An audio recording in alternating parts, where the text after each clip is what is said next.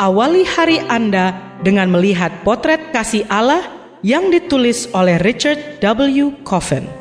Melalui renungan pagi ini, kita akan mempelajari karakter Allah yang menuntun kita kepada kasihnya.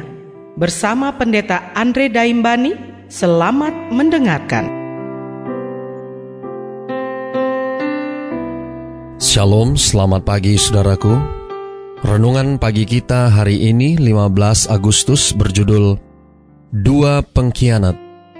Ayat intinya diambil dari Matius 26 ayat 49. Demikian firman Tuhan.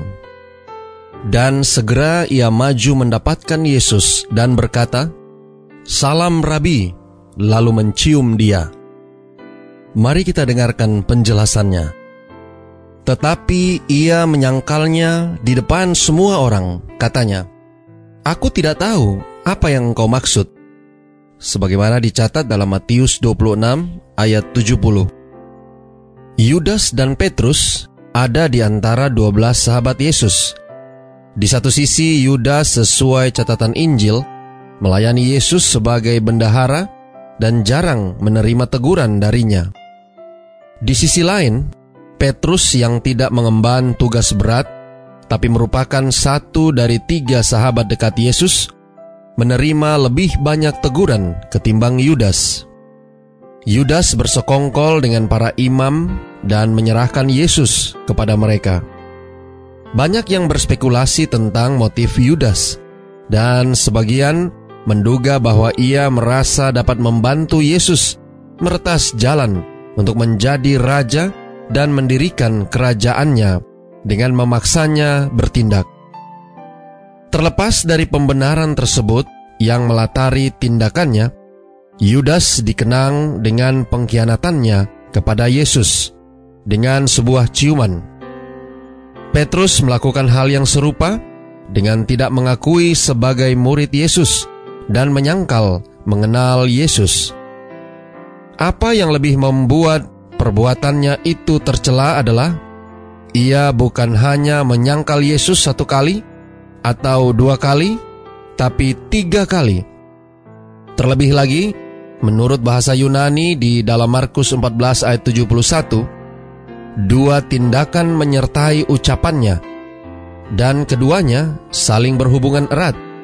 Petrus bersumpah, kemudian dilanjutkan dengan tindakan yang senapas dengan itu mengutuk. Singkat kata, Petrus seolah berucap, Sumpah mati kalau aku bohong. Aku tidak mengenal orang itu. Kedua pengkhianat itu menyesali perbuatan mereka.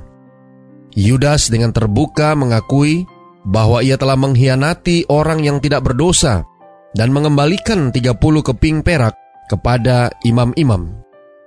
Petrus pergi dari halaman pengadilan dan menangis terseduh-seduh menurut Markus 14 ayat 72. Yang satu terus hidup, yang satunya lagi mati.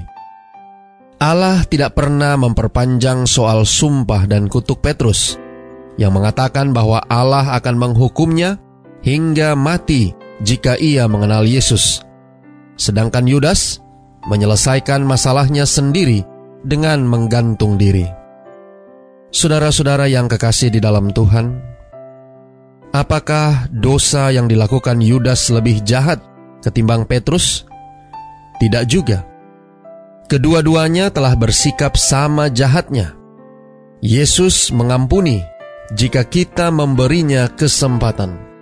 Namun, Yudas tidak memberi Yesus kesempatan untuk mengampuninya.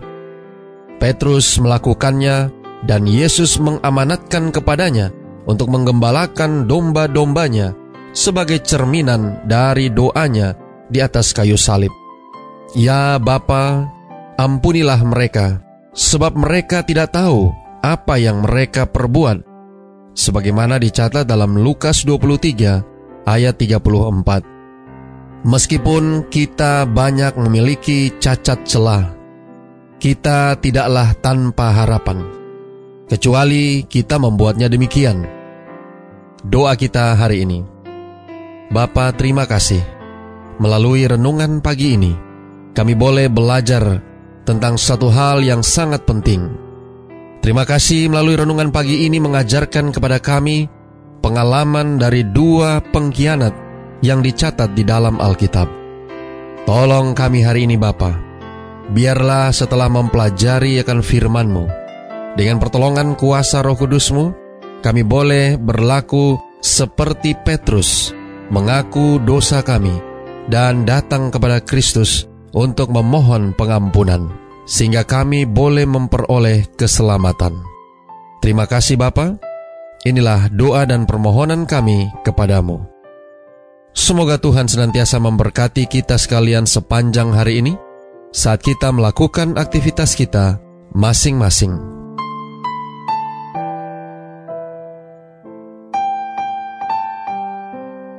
Demikianlah tadi pembahasan tentang potret kasih Allah. Semoga firman Tuhan hari ini dapat menjadi berkat bagi Anda. Sampai jumpa, Tuhan memberkati.